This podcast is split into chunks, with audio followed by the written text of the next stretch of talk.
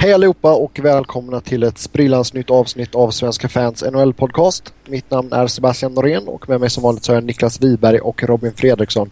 Hejsan på er! Hej! Hej hej! Ja, vi kastar oss direkt in på nya kontrakt som har skrivits. Och vi börjar med Jannik Hansen i Vancouver. Ett fyraårskontrakt. En capita på 2,5 miljoner dollar om året. Och eh, spontana reaktioner på det kontraktet, Niklas? Spontana reaktioner är väl att det inte alls är något orimligt kontrakt. Um, jag är väl inte helt såld på att han är en superforward på det sättet. Men jag tycker ändå att han har visat goda tendenser de ja, senaste två säsongerna i alla fall. Säg att det är en rimlig lön, en rimlig cap hit men det är ingen spelare som eh, förtjänar att sitta på ett fyraårskontrakt med en sån trygghet och det. Det känns väl ett två år så hade det väl nästan varit bättre. Ja, det är, väl, det är väl det argumentet man kan föra att det kanske var ett år eller två för långt. Eh, givetvis, men sen samtidigt alltså en sån relativt låg cap hit så ser inte jag ett tre eller fyra års kontrakt som ett problem heller. Nej, För pengar, sannolikt är det nej, liksom sannolikt kommer han alltid under de här åren vara en spelare som på något sätt kommer bidra. Om han inte är skadad givetvis, men det kan ju vem som helst bli. Ja. Yes. Och 2,5 för en snubbe som du vet vad du kommer få av, ja det kan man leva med. Ja, 2,5 kommer han väl eh, vara värd under de här fyra åren, det tror jag. Men det, det som sagt kanske är lite väl långt va. Men men. Eh, en som inte skrev något långt kontrakt det var Cody Franson i Toronto. Ett ettårskontrakt, 2 miljoner dollar. Mm. Kan vi det har varit lite Ja, det har varit lite fram och tillbaka där med Franson och han ville väl egentligen ha både fler år och mer pengar från början. Ja, men Toronto... De har ju skött sina affärer jävligt dåligt den här sommaren och har... Jag tycker de har en jävla flyt med att både Kadri och Franson eh, tar en discount helt enkelt för att Toronto ska få in med sina spelare under taket. Ja, det kan jag hålla med om. Alltså det är, men det, jag tycker Toronto har ju varit lite små alltså, roliga när det kommer till eh, kontrakt och allt sånt under en längre tid. Ja. ja hela sommaren har ju varit absurd, givetvis. Men um, någonstans är det ju så här att när, när en spelare som har RFA-status uh, väntar och väntar och väntar och väntar så kommer nästan alltid klubben vinna. Det, det är väl lite så som, som det funkar helt enkelt. Och gilla det eller hata det men jag tror det kommer fortsätta vara så. Ja, alltså det hade nog varit en annan historia ifall det hade varit eh, nästa år och capen gått upp och lite sådana grejer. Då kan, kanske jag hade kunnat trilla in ett offer sheet på Fransson till och med. Det vet man ju inte. Men jag ja, nej, nu, nu är ju så många lag ju, kan ju inte hitta på ett skit för att de är så, det är så jävla tajt liksom. Ja. Så, så nu fan, alltså skulle det finnas utrymme för många lag att göra offer sheets så att säga då, då är det nog andra spelare än Cody Franson som skulle varit aktuellt. Ja, sedan eh, Dirk Stepan i eh, New York Rangers. Ett eh, tvåårskontrakt blev det där med en cap hit på drygt 3,1 miljoner dollar. Och det är också en kille som eh, väntade ganska länge. Ja, och tvingas ta en lön långt under sitt marknadsvärde för att få spela helt enkelt. Eh, det är mm, lite synd om Stefan kanske men eh, eh, han kan ju göra en eh, P.K. Subban här när han gör en kanonsäsong och begära sjukt mycket mer pengar om två år.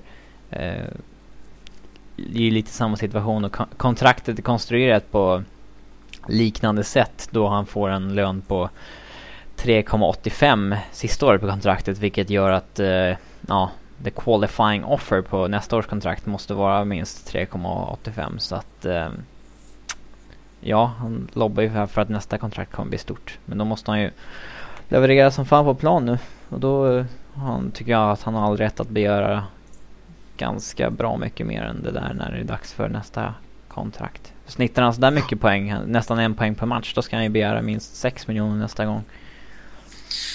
Sen är då frågan, han är fortfarande erfaren när det här kontraktet går ut och hur mycket kommer Glenn Sather, om han fortfarande är kvar i Rangers, smutsköra återigen? För det kommer han ju alltid göra så fort det är en RFA.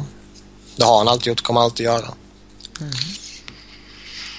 Ja, det är frågan men samtidigt där då. Eh, vi antar ju att capen kommer att gå upp och skulle det vara något lag med lite utrymme över där då borde det nästan komma ett offersheet på en sån spelare som Stepan ifall han håller uppe det här. Det kommer inget offersheet på Stamkos liksom. Det är... Alltså det, det är väldigt sällan ja, som det, det kommer det... någonting. Och...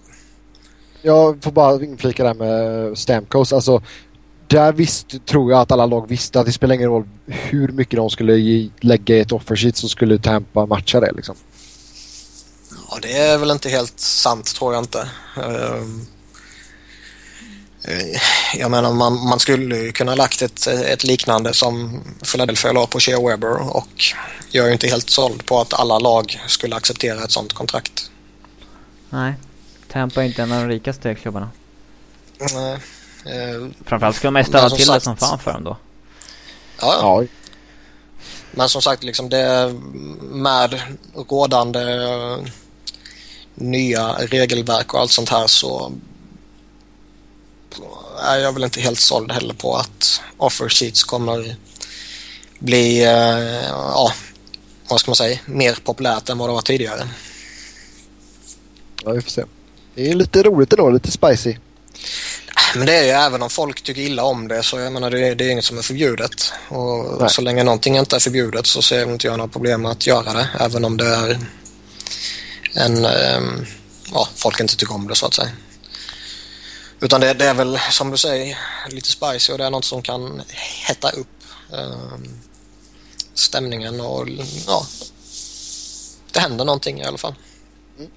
Sen eh, näst här på listan då så har vi fyra stycken Florida-spelare. Eh, Florida som har nya ägare nu verkar vilja spendera lite pengar. Det är inga jättekontrakt men ändå. Vi börjar med Tim Thomas. Eh, ett ettårskontrakt. Eh, 3,75 miljoner cap hit. Eh, se till att vara ute och cykla här nu. 2,5 i grundlön och 1,25 i bonusar. Ja, något sånt var det. Uh, och det var ju uh, lite alla möjliga bonusar uh, beroende på hur många matcher han spelade och om det blev slutspel och hur många slutspelsmatcher det blev och lite sånt där tror jag. Men det... Alltså vi, vi har ju pratat rätt mycket om den situationen och jag tycker fortfarande det är jävligt märkligt när man när man har ett lag som eh, även alla de här värvningarna de har gjort senaste veckan här så ser jag inte dem som några utmanare. Eh, inte ens utmana om slutspelsplatser faktiskt. Och då, då, tycker jag det är fel att plocka in en Tim Thomas eh, som jag inte tror kommer ha en positiv utveckling på Jakob Markströms karriär. I alla fall inte kortsiktigt. Nej, det kan jag mycket väl hålla med om. Jag har inte fattat det här från början varför de skulle ta in Thomas. Nej, sen tittar man rent krast på om, om man bortser från situationen som liksom finns utan man bara tittar på hans läge så är väl det inte alls ett dåligt kontrakt för, för Florida. Um, visst, han har inte spelat på ett och ett halvt år och han är 39 bast. Um, jag har inte sett någon uh, när han spelar någon träningsmatch här så jag kan inte uttala mig hur han sett ut men det är en chansning och det är en chansning som mycket väl kan falla väl ut men också en chansning som kan gå helt jävla åt helvete. Nej, alltså jag hade kunnat köpa han om han kom in som uttalad backup liksom. Men nu är det ju snack om att han ska vara etta. Ja, snack kan han väl typ alltså, jag, jag, jag har väl inget emot att man tar in honom som etta om man ser på saken i sig. Eh, om det nu inte vore för att man har en så pass, som jag ser det, talangfull målvakt redan. Eh, skulle man stått med typ alltså utan Jakob Markström och haft Scott Clemensen och någon vanlig random målvakt då skulle jag givetvis fullt ut kunna köpa att man chansar med Tim Thomas som första målvakt men nu, nu tycker jag det är lite, lite märkligt men eh, kontraktet är ju så pass rimligt ändå att um, beroende på vad han själv vill så kan han mycket väl bli väldigt attraktiv framåt trade deadline skulle jag gissa. Ja, sen eh, nästa Florida-spelare då, Brad Boyce, ett ettårskontrakt och eh, det blev en miljon dollar där. Ja, eh, likadant kontrakt som han hade förra säsongen i Islanders och eh, det känns väl som att han är den här centern som nu i sin karriär kommer behöva en riktigt, riktigt duktig eh, center jämte sig. Eh, jag är inte helt såld på att han kommer få det i Florida med Barkov och Marcel Gotch till exempel. Nej men alltså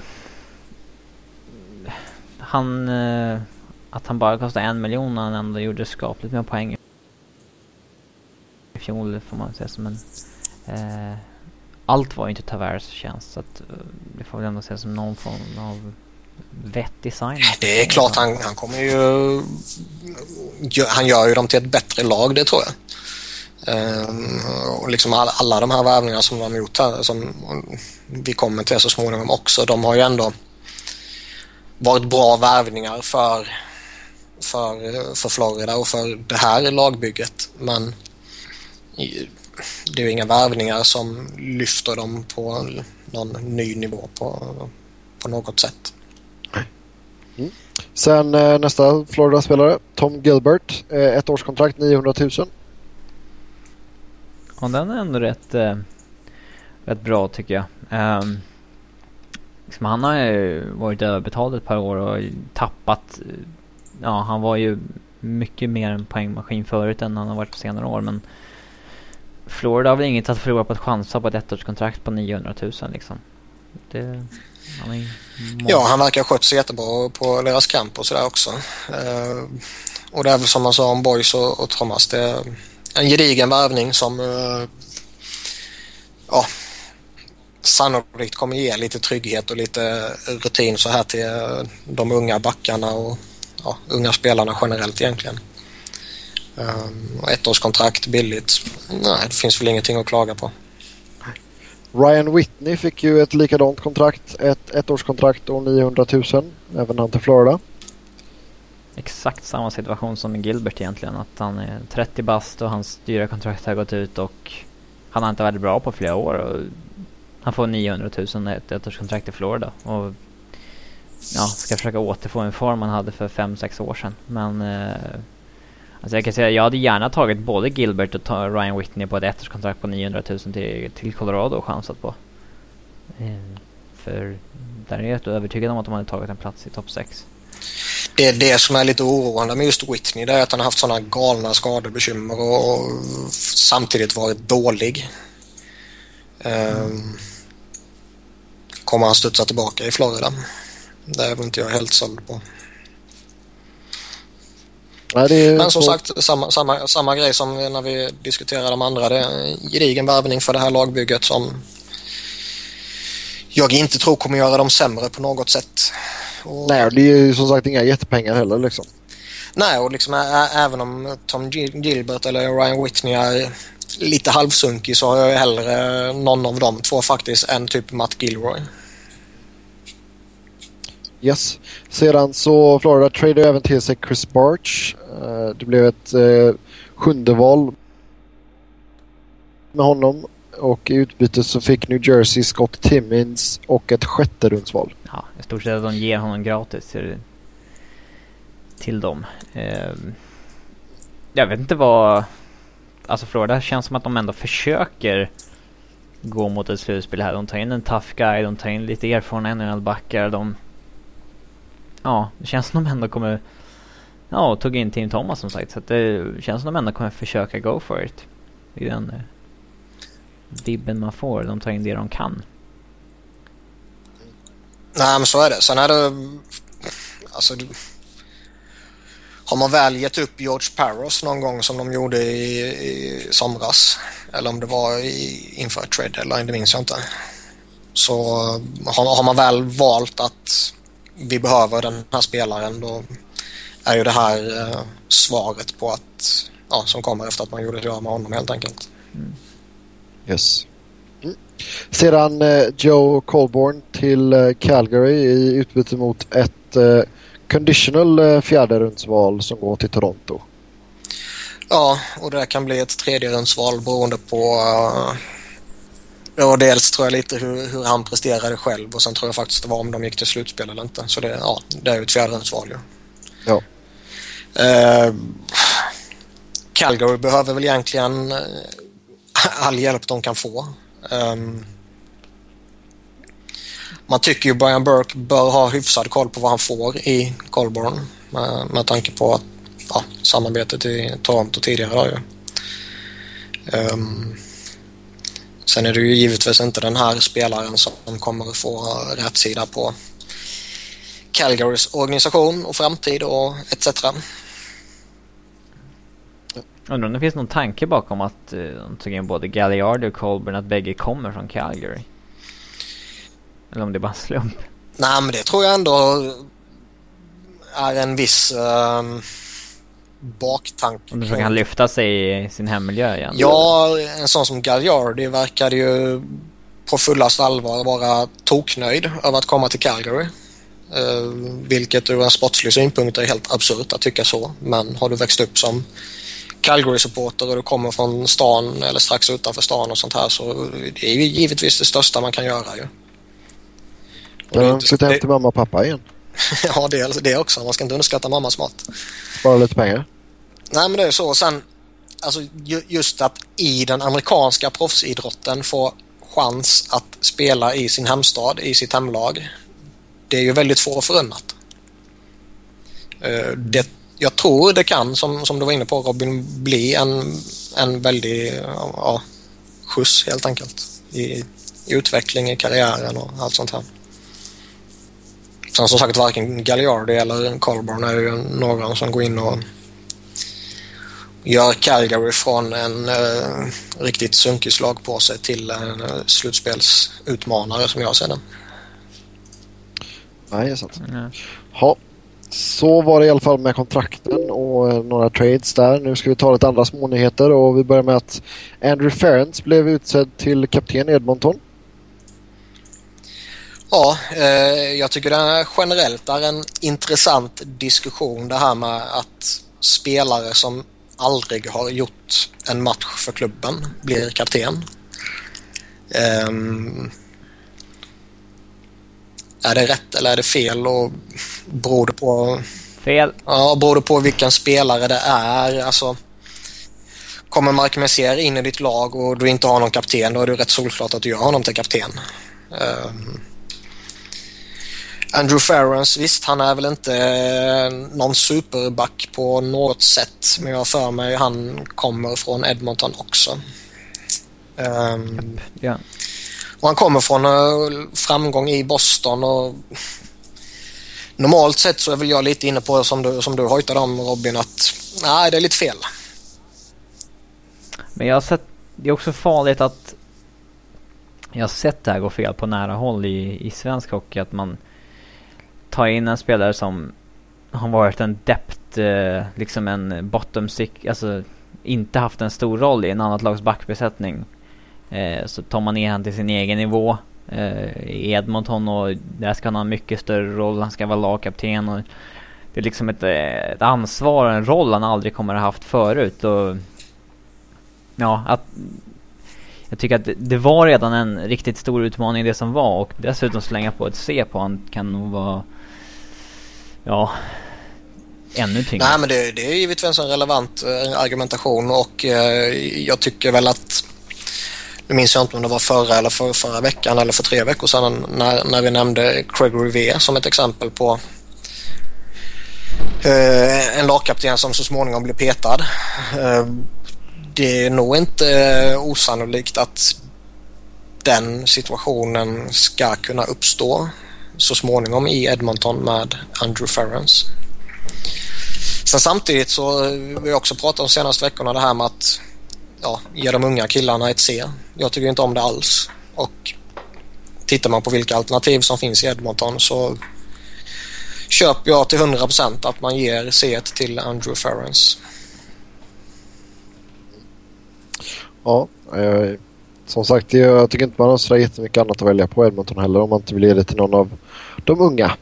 Nej, alltså säg att man eliminerar de, de unga ur diskussionen. Vad har man kvar då? Då har Ryan Smith som är riktigt, riktigt, riktigt förfallen numera. Men som givetvis är en, är en tillgång i ett omklädningsrum och allt det här. Uh, ja, vad har du mer? Ladislav Schmid typ. Nick Schultz ja. kanske. Uh, och som sagt, nej, jag, jag tycker Ferrens är ett fullt rimligt val. Ja. Yes. Ja, eh, idag så spikades eh, spelartrupperna och det betyder att några spelare får ta sig tillbaka till deras juniorlag eller till bli nedskickade till AHL. Och eh, Tampa skickade ner eh, Jonathan Drouin till eh, sitt juniorlag och eh, det var väl lite förvånande ändå. Jag tycker framförallt eh, jag har inte sett honom under försäsongen här så jag ska inte säga om han är NHL-duglig eller inte. Men jag är faktiskt lite förvånad över att han inte ens testas i de inledande matcherna.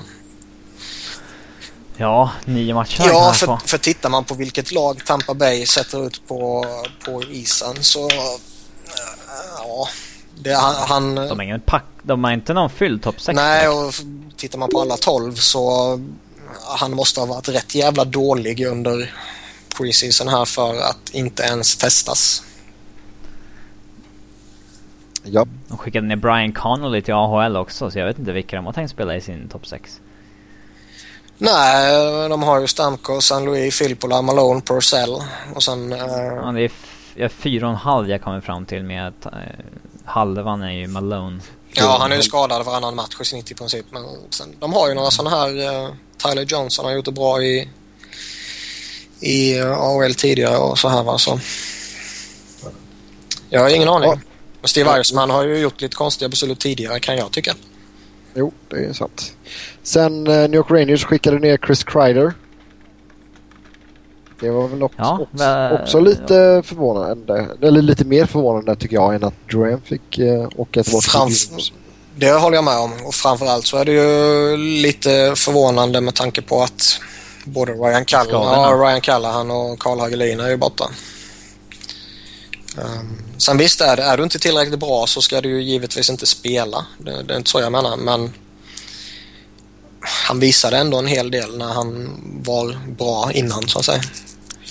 Sen vet man inte, har, har det med att göra med av lönetakssituation? Uh, han har väl en capita som är lite större än uh, vissa typ Aaron Asham och Jesper Fast och Dominic Moore och de här. Så det kanske påverkar också. Det var en sån sak som fällde avgörandet. Jag vet inte. Mycket möjligt. Men med tanke på som sagt att två wingers är borta och Chris Kreider ändå tidigare har gjort det väldigt bra så mm. Det är väl lite som Duran. Han måste varit rätt dålig under kampen känns det som. Ja. Sen eh, så skickade också Ottawa skickade ner Mika Sebinejad. Så är det rätt Robin? Uh, jag tror att han säger uh, Zibanejad. Att han skippar E så att säga. Zibanejad. Ja, i alla fall. Uh, nu är redan uh, skickad. ja. Ja. Uh, ja. Och GM Murray uh, var ju inte så... Uh, alltså han sparade inte på krutet när han berättade varför han blev nedskickad. Så att han helt enkelt hade varit riktigt dålig på training camp och inte bevisat någonting som sa att han borde vara kvar i NHL. Så att uh, de gör nog det här för att skicka ett message till honom och jag tror att han kände sig lite för säker på sin plats kanske. Ja, ja och jag tycker väl alltid egentligen att han har känts lite som en eh, rätt bekväm och lite lat spelare. Eh, jag är väl inte helt såld på att han har hittills i alla fall visat upp att han alltid kommer gå i bräschen för att eh, ja, få speltid eller eh, få en plats och så här. Va? Och det känns som det, lite som Robin sa, det, ja, de kanske vill skicka det meddelandet till honom nu att nu får du göra tre, fyra veckor nere i AHL där du verkligen bevisar att du ska ha en topp 6-roll i NHL. Och när du bevisar det så är du välkommen tillbaka. Yes. Då så går vi vidare och det är dags för ännu en preview och detta avsnittet så är det Central Division som gäller. Och som vanligt så kommer vi ta och lista våra favorit, vilka vi tror kommer vinna divisionen vilka vi tror kommer bli slagpåsen i divisionen. Och sen spelare som vi tror kommer överraska respektive floppa. Så eh, jag tar och börjar här och eh, favorit till att vinna divisionen eh, känns ju ganska givet att det är Chicago. Va? Ja. Ja, det är klart. Jag skojar bara. Uh, Nej, det lät som jag tänkte, ja vad har jag missat Ja, för ja, lag? exakt. typ? eh, sen tror jag slagpåsen, alltså det är... Det, där var det lite... Försvann han? Men, eh, Nu försvann han ja. Ja. Vad var det med slagpåsen? hör ni mig nu? Ja, Ja. Jag sa slagpåse, det blir antingen Colorado eller Winnipeg. Ja, jävligt svårt att uh, se någonstans. Alltså det känns Ja, jo. fullständigt vidöppet bakom Chicago. Alltså, Alltså, vem som helst kan komma tvåa eller sjua känns det som bakom. Nej, jag tror St. Louis kommer nog knipa andra platsen. Det känns att de är tillräckligt bra som en lagmaskin för att ta den platsen. det håller jag med om. Eh, Chicago och St. Louis är topp två. Det är rätt Ja. ty- tydligt. Ja, sen, sen efter det så kan vi börja spekulera lite. Men det, det kommer vi in på liksom. Så det, vänta bara. Eh, överraskningsspelare. Det, där hade jag lite så halvsvåra problem. Men jag säger eh, Nitushkin. Jag, tror han, vad ko- fan. jag tror han kommer, kan nog vara kandidat till Rookie of the Year. Jag hade också Och så- tagit in Turskin. Jag måste komma på någon ny.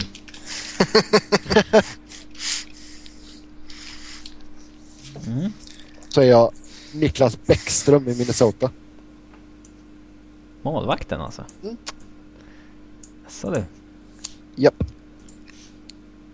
Lite för gammal, lite för skadebenägen. Ja.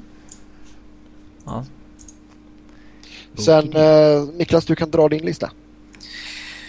Ja, alltså eh, det var ju som jag sa för någon minut sedan. Chicago och St. Louis är väl favoriterna för topp två och Chicago är väl givetvis de, den stora favoriten. Eh, Det, det ska nog jävligt mycket till om man inte ska ta hem den här divisionen. Eh,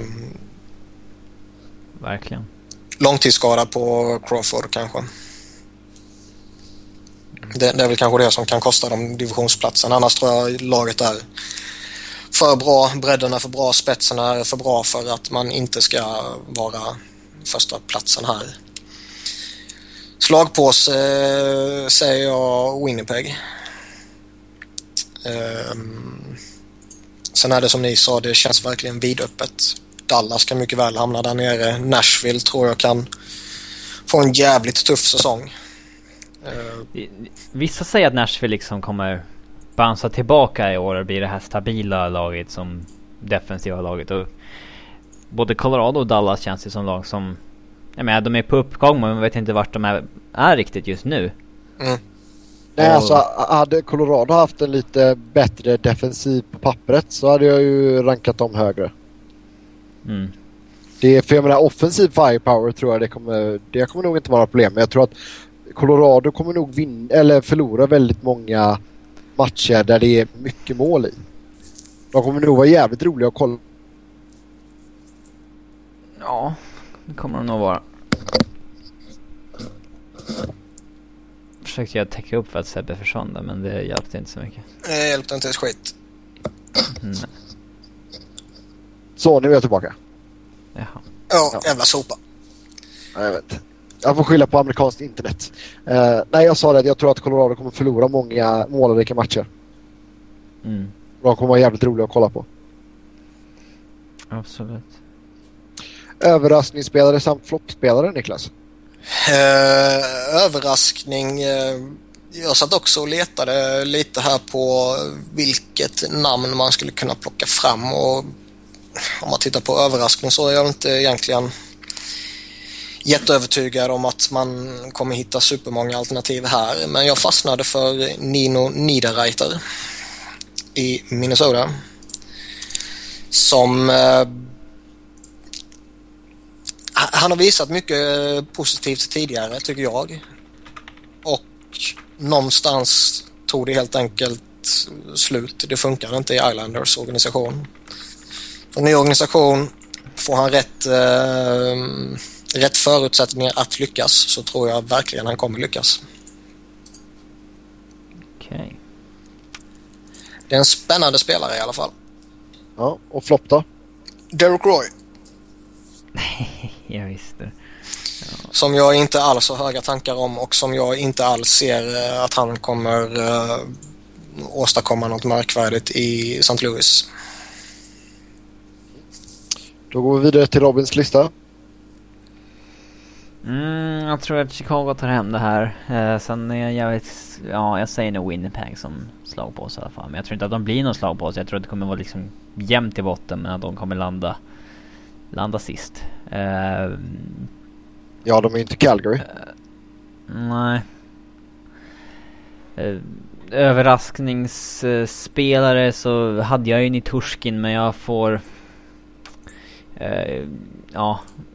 Då, då säger jag istället eh, ja, Semyon Varlamov i Colorados mål. För att jag, jag tycker att han är en, en fruktansvärt talangfull målvakt och eh, jag tror att, att de anställde en riktig målvaktstränare nu eh, kommer göra honom väldigt, väldigt gott. Eh, det, visserligen kommer det alltid vara ett försvar framför någon som läcker men eh, jag tror att han kommer vara betydligt bättre i år än han var i fjol. Ja, det kommer knappast göra honom sämre. Nej, det tror jag inte. Eh, plus att han har Jigger som är en bra mentor också och Patrick Rouse som coach. Det, han har alla förutsättningar nu för att få ut sin fulla talang liksom. Eh, Flopp så säger jag att eh, Brian Bickle får svårt att leva upp till det där kontraktet. Det är ett intressant namn. Uh, nu lär han väl gå in och spela med Toews i en första kedja. Och uh, ja, misslyckas man där så då är man rätt dålig. mm, alltså, han kommer ju inte... Sen är ju frågan, alltså jag, jag, jag tror jag förstår vad du menar det här med att klarar den spelartypen hålla den nivån över en så här lång period som han gjorde under ett slutspel? Mm, ja, jag tror absolut. Uh, det, det är en mycket uh, rimlig fråga att ställa sig liksom. Alltså han ska ju dra upp en 50-60 poäng i alla fall med det där kontraktet nu och ja. Han tillhör ju en eh, liten grupp av välbetalda Chicago forwards så då ska han ju också leverera som dem. Så är det. Uh, sen, sen, får man inte glömma att han har varit en hyggligt stabil spelare tidigare så det är inte så att han kom från ingenstans och gjorde succé. Nej. Uh, men det finns en risk att det blir en ny Joel Ward. Han går in och gör slutspelssuccé, får ett superkontrakt och sen bara blir han väldigt random. Yes, då ska vi gå in lite mer enskilt på lagen här och Chicago är först då i och med att vi som vanligt kör bokstavsordning. Så eh, alltså vad krävs för att Chicago ska kunna vinna back-to-back? -back? Det krävs att eh, dels måste ju Corey Crawford fortfarande vara den målvakten som han visade sig vara under slutspelet. Och grundserien också givetvis. Eh, det tror jag är grundförutsättningen för att Chicago ska, ska kunna utmana. Eller utmana kommer de göra oavsett men ta back-to-back så att säga. Eh, sen är det väl som vanligt eh, nyckelspelarna måste hålla sig friska. Um, jag tror också det kan vara rätt eh, viktigt för dem att få en bra inledning. Så att det verkligen inte blir den här eh, klassiska Stanley Cup-hangovern och sen blir det väldigt jobbigt. Ja men det känns ju ändå så som att liksom i ett slutspel uh, nu då, vi förutsätter att de går till slutspel. Jag tror ändå att Jonathan Taves kommer vara väldigt mer pro produktiv än vad han var detta slutspelet som var. Det, ja, kan han vara något annat håller jag på att säga. Lite fler mål. Ja. Det, sen är det väl lite intressant också med Chicago. De senaste fyra åren så har de antingen vunnit eller har de rykt i första rundan. Um,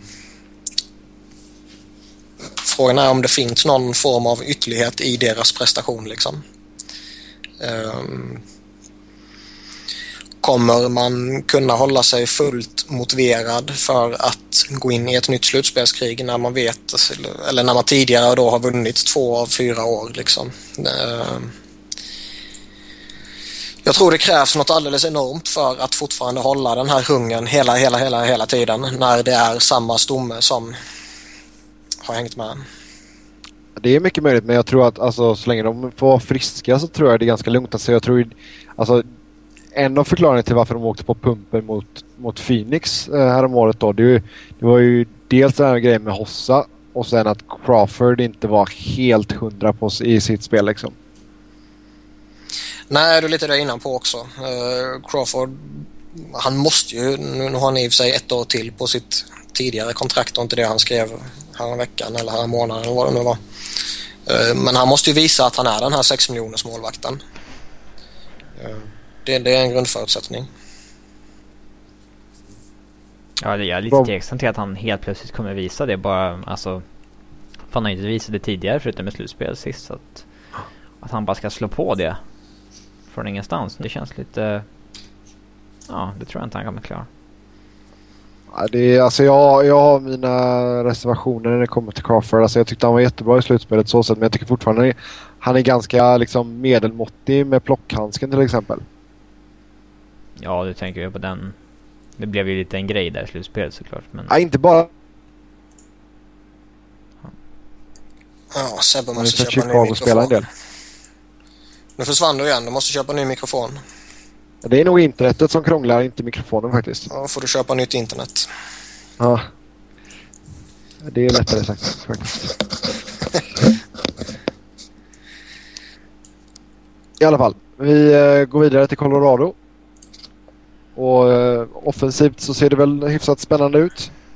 Men defensivt så ser det väldigt uh, suspekt ut. Ja, kan man väl lugnt säga. Ja, alltså offensivt så ser det ju väldigt, väldigt bra till och med. Man, jag tycker man har en topp 9 som är väl värd ett slutspelslag, absolut. Uh, minst ett slutspelslag. Och, alltså, däremot är fortfarande backbesättningen jag har svårt att, jag kan inte se någon annan som är sämre i den här ligan på när det gäller backbesättningen. Så att det, det blir intressant att se hur det kommer fungera. Uh, men eh, ja, det måste göras jävligt mycket mål i alla fall. Det, det är klart. Sen är väl det, det, är väl också, visst det finns frågetecken på backsidan men jag skulle vilja säga att det största frågetecknet är väl kanske trots allt i båset. Att Rye är väldigt oerfaren eller vadå? Ja, eh, plus dels den aspekten då att eh, en, en rookie coach som tidigare varit en stjärnspelare i ligan det,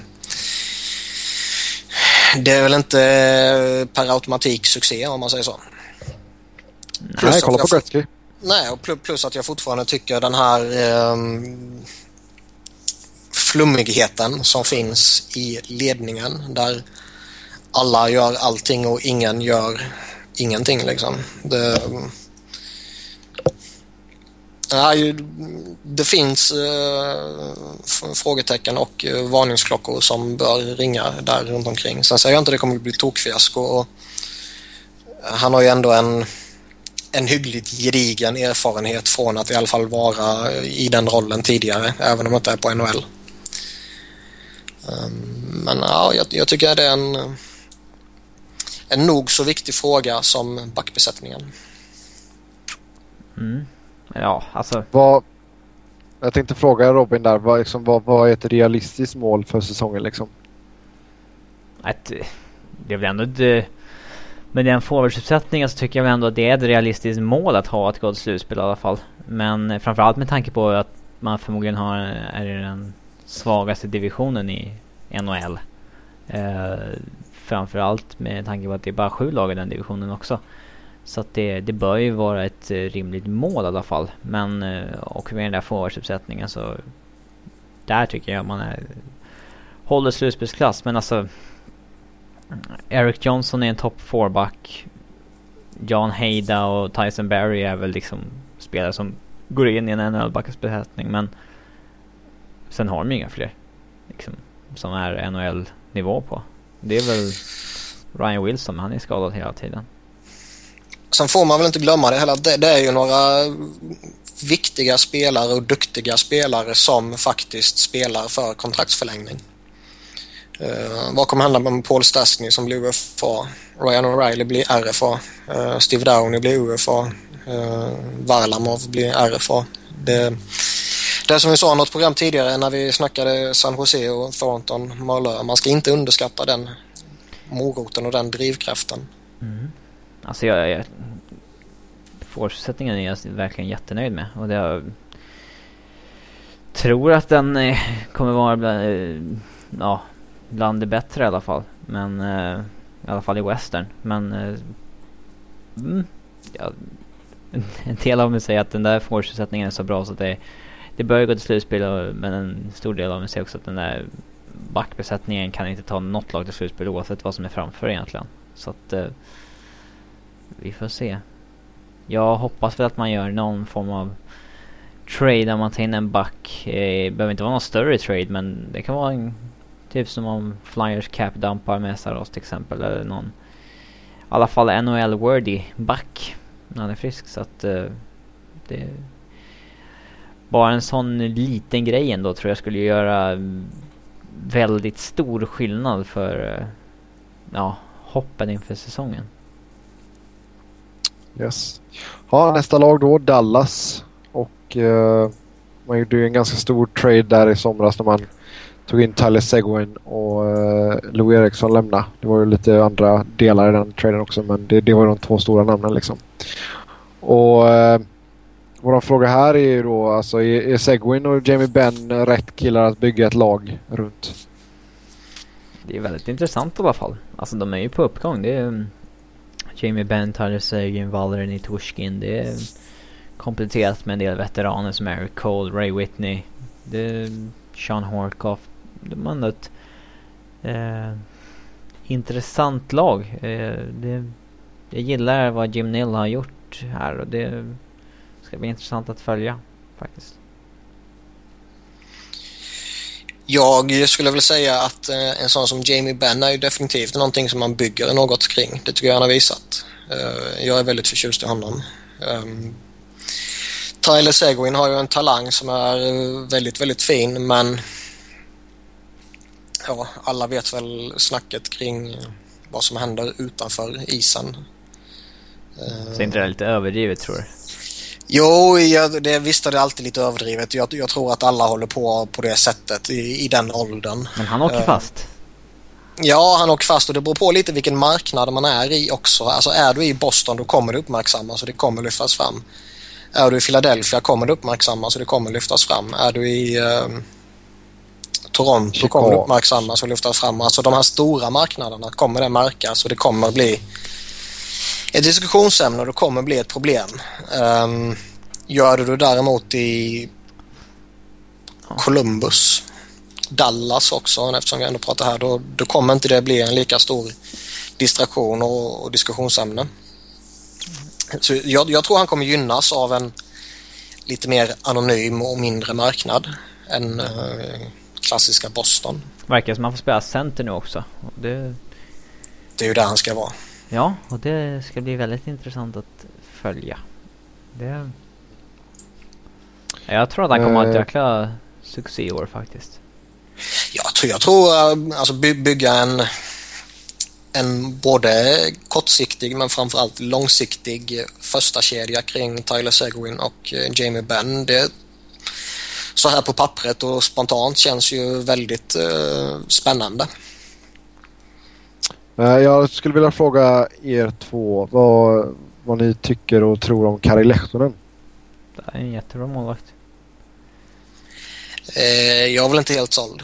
Jag tycker eh, att eh, det är lite väl mycket osäkerhet kring honom. Eh, är det verkligen en målvakt som eh, ska ha det här kontraktet som han har och som man fullt ut kan lita på? Sen att han har en väldigt hög högsta nivå, det är liksom inget snack om saken. Det har han. Men har han jämnheten? Det är jag inte helt övertygad om. Nej, alltså, samtidigt tycker det svänger känns... rätt mycket. Ja, samtidigt känns det som att han är... Alltså att han har ljumskad av glas typ. Så han har inte varit skadad så mycket i Dallas. I Atlanta var han ju jävligt uh, skadebenägen men eh, jag missade en del i fjol visserligen men annars han... Ja, det var, ju, det var ju återigen för att han drog ljumsken eller någonting. Eller fick någon sträckning i ljumsken. Mm, det är andra sen första gången han har missat någonting i Dallas på grund av skada typ. Annars har han lirat 60-70 matcher per år. Så. Sen är han ju aldrig, han har aldrig spelat ett slutspel. Så där har man ingen aning om vart han står. Alla målvakter Nej. har ju ett grundserieface och ett slutspelsface liksom. Ja, det är sant. Det är sant, det är sant. I alla fall, eh, vidare till Minnesota. Uh, är det dags för Parisi och Suter? Alltså är det här lagbygget redo att ta nästa steg? jag ser inte vad de har som skulle göra dem så mycket bättre än i fjol. Ärligt talat. Det finns, alltså, ju, jag... det finns ju en stor skillnad som jag ser. Det är att Ryan Suder kom ju inte igång från dag ett i fjol. Nej. När han väl kom igång sen... Det tog ju 20 matcher kanske. Ja, halva säsongen i princip. Då, då var han ju ligans bästa back som jag ser det. Japp. Um, kommer han vara segstartad i år igen eller kommer han ligga på en Norris uh, nivå från dag ett?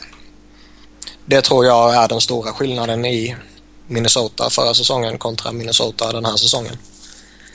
Um, Sen är det de här unga killarna.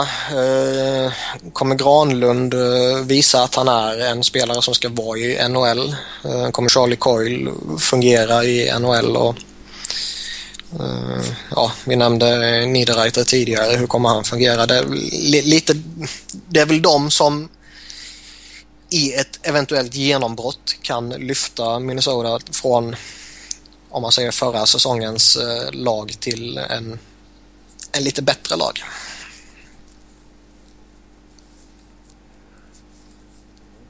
Men alltså Granlund då till exempel. Det, vi vet att han är väldigt talangfull och sådär men håller han på NHL-nivå? Han gjorde ju inte det i fjol. Um, och visst, man, man, ska inte gå in och toksåga en, en spelare som är, vad är han, 20-21 liksom. Men eh, jag skulle vilja säga att han var ett typexempel på en kille som behövdes skolas in i AHL innan han skulle gå in i NHL. Um, ehm, sen att han har alla tekniska kvaliteter för att bli väldigt duktig, det, det finns väl ingen som kan hävda motsatsen. Men um, det ska bli väldigt spännande att se om han um, om de 29 matcherna han gjorde i AHL i fjol nu har gjort honom till en en gedigen NHL-spelare så att säga. Men det känns ju inte som att Minnesota borde vara med och slåss om en slutspelsplats.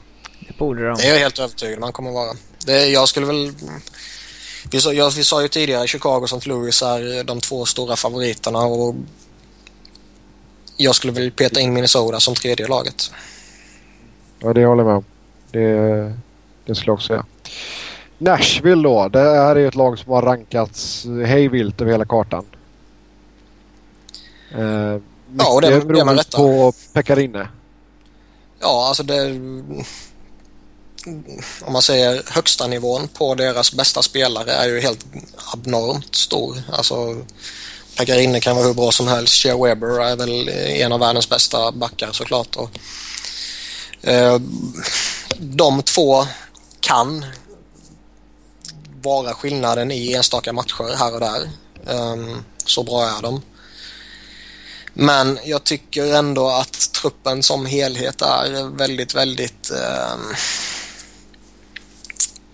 ja, vad ska man säga? Spetslös igen kanske? Spetslös, ja. Bra bredd men obefintlig spets förutom de här två då. Och framförallt har de väl eh, i princip obefintlig spets i de offensiva delarna. Ja, vilka ska lira en första kedja liksom? Stålberg och Fischer. Ja, Hörnqvist. Jag vet inte, det är inte... Det är ingen riktig första kedja. Nej, alltså de har några sådana här... Eh, ja, man kan väl säga de har en drös komplementspelare som ska leda laget. Idag meddelade de ju dock att eh, Filip Forsberg stannar i NHL. Så att det ska bli intressant att se. Det kommer att bli jättespännande. Um, och vi har ju pratat lite om det tidigare avsnitt. Är han, uh, kommer han passa in i Nashville eller är det helt enkelt så att det här laget behöver uh, den här spelartypen som går in och på ett väldigt tydligt sätt bryter mönstret som finns i, i laget och organisationen. Det känns nästan som att Man får hoppas. Nashville inte vill ha någon som bryter mönstret. Att det liksom... Man kan tycka att det inte ens skulle det behövas. Har med, men... Det har ju varit lite varierande resultat på det tidigare. Mm. Om man tittar på ja, Radulov är ju alltid typexemplet man lyfter fram. Och bröderna Kostitsin är väl ett annat och Martinerat kändes det ändå som att han nådde inte sin fulla potential i, i Predators. Men man får ändå så hoppas att han får hyfsat fria tyglar ändå. Ja, men det kommer han inte få. Det, det är väldigt svårt att säga. Jag tror att det är ett lag som kommer begränsa hans eh, offensiva potential lite som det har varit med Martinera till exempel.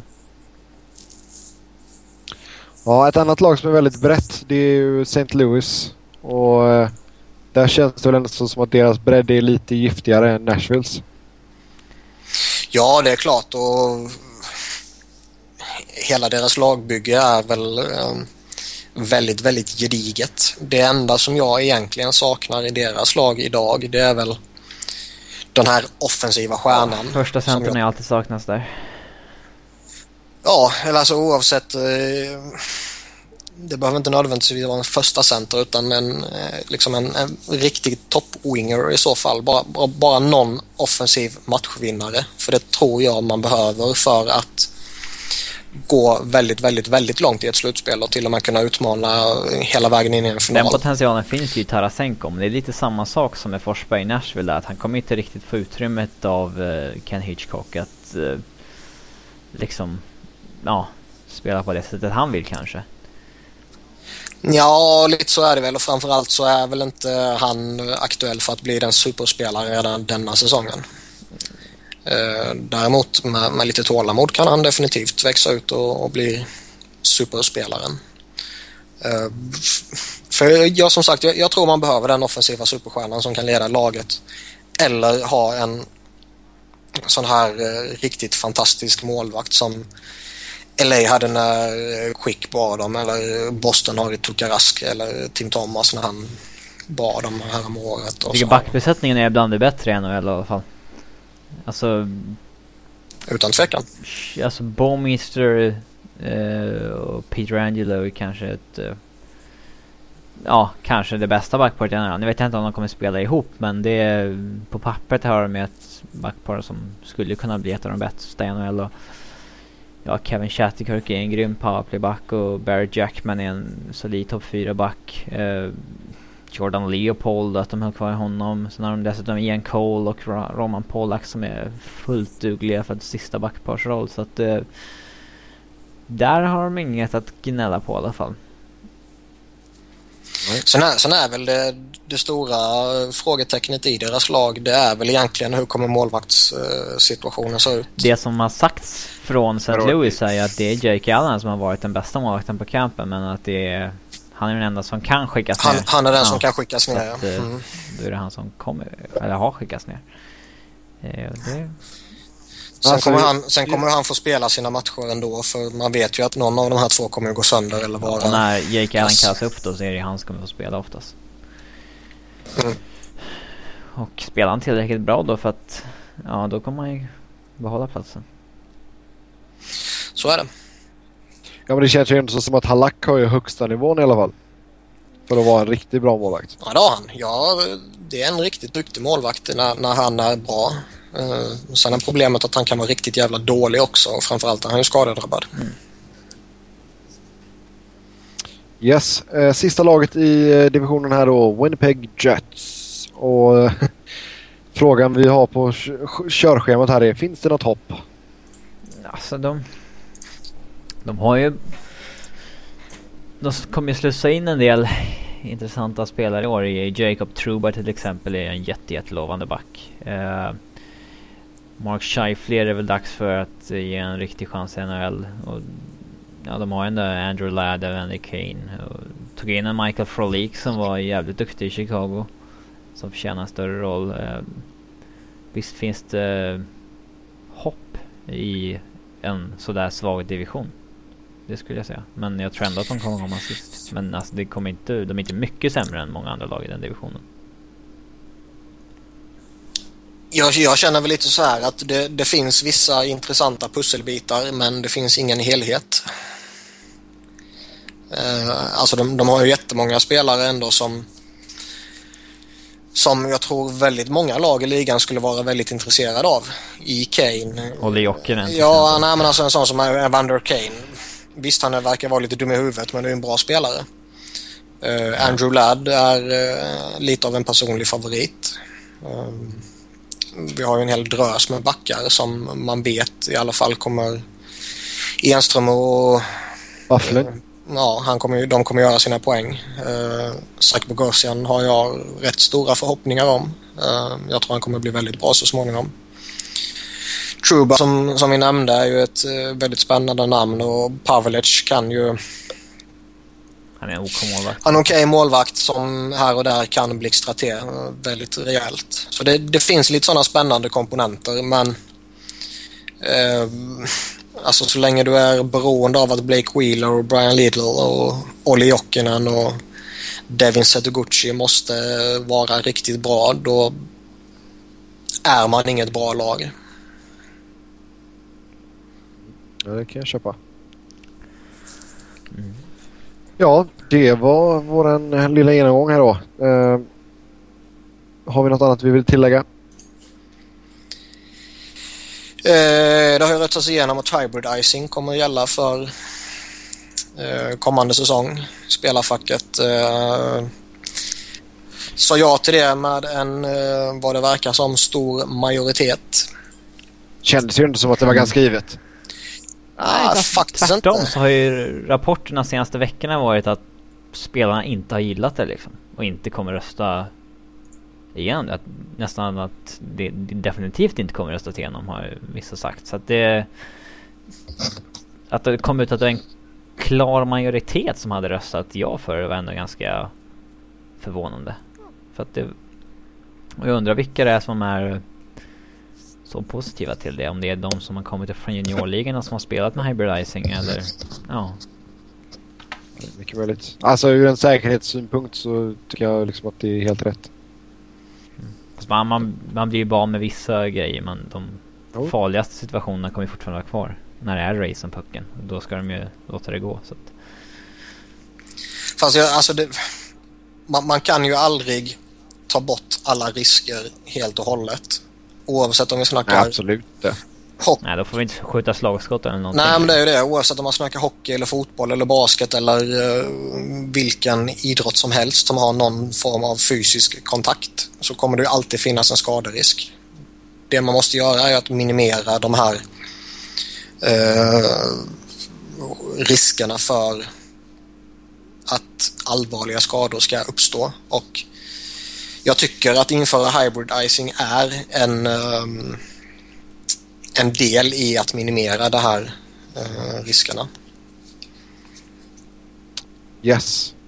Då är vi klara för denna veckan. Som vanligt så vill ni köta hockey med oss så går det bara att göra det på Twitter. Mig hittar ni på @sebnoren, Niklas på att Niklas Wiberg, Niklas med C och enkel-V och Robin hittar ni på R underscore Fredriksson.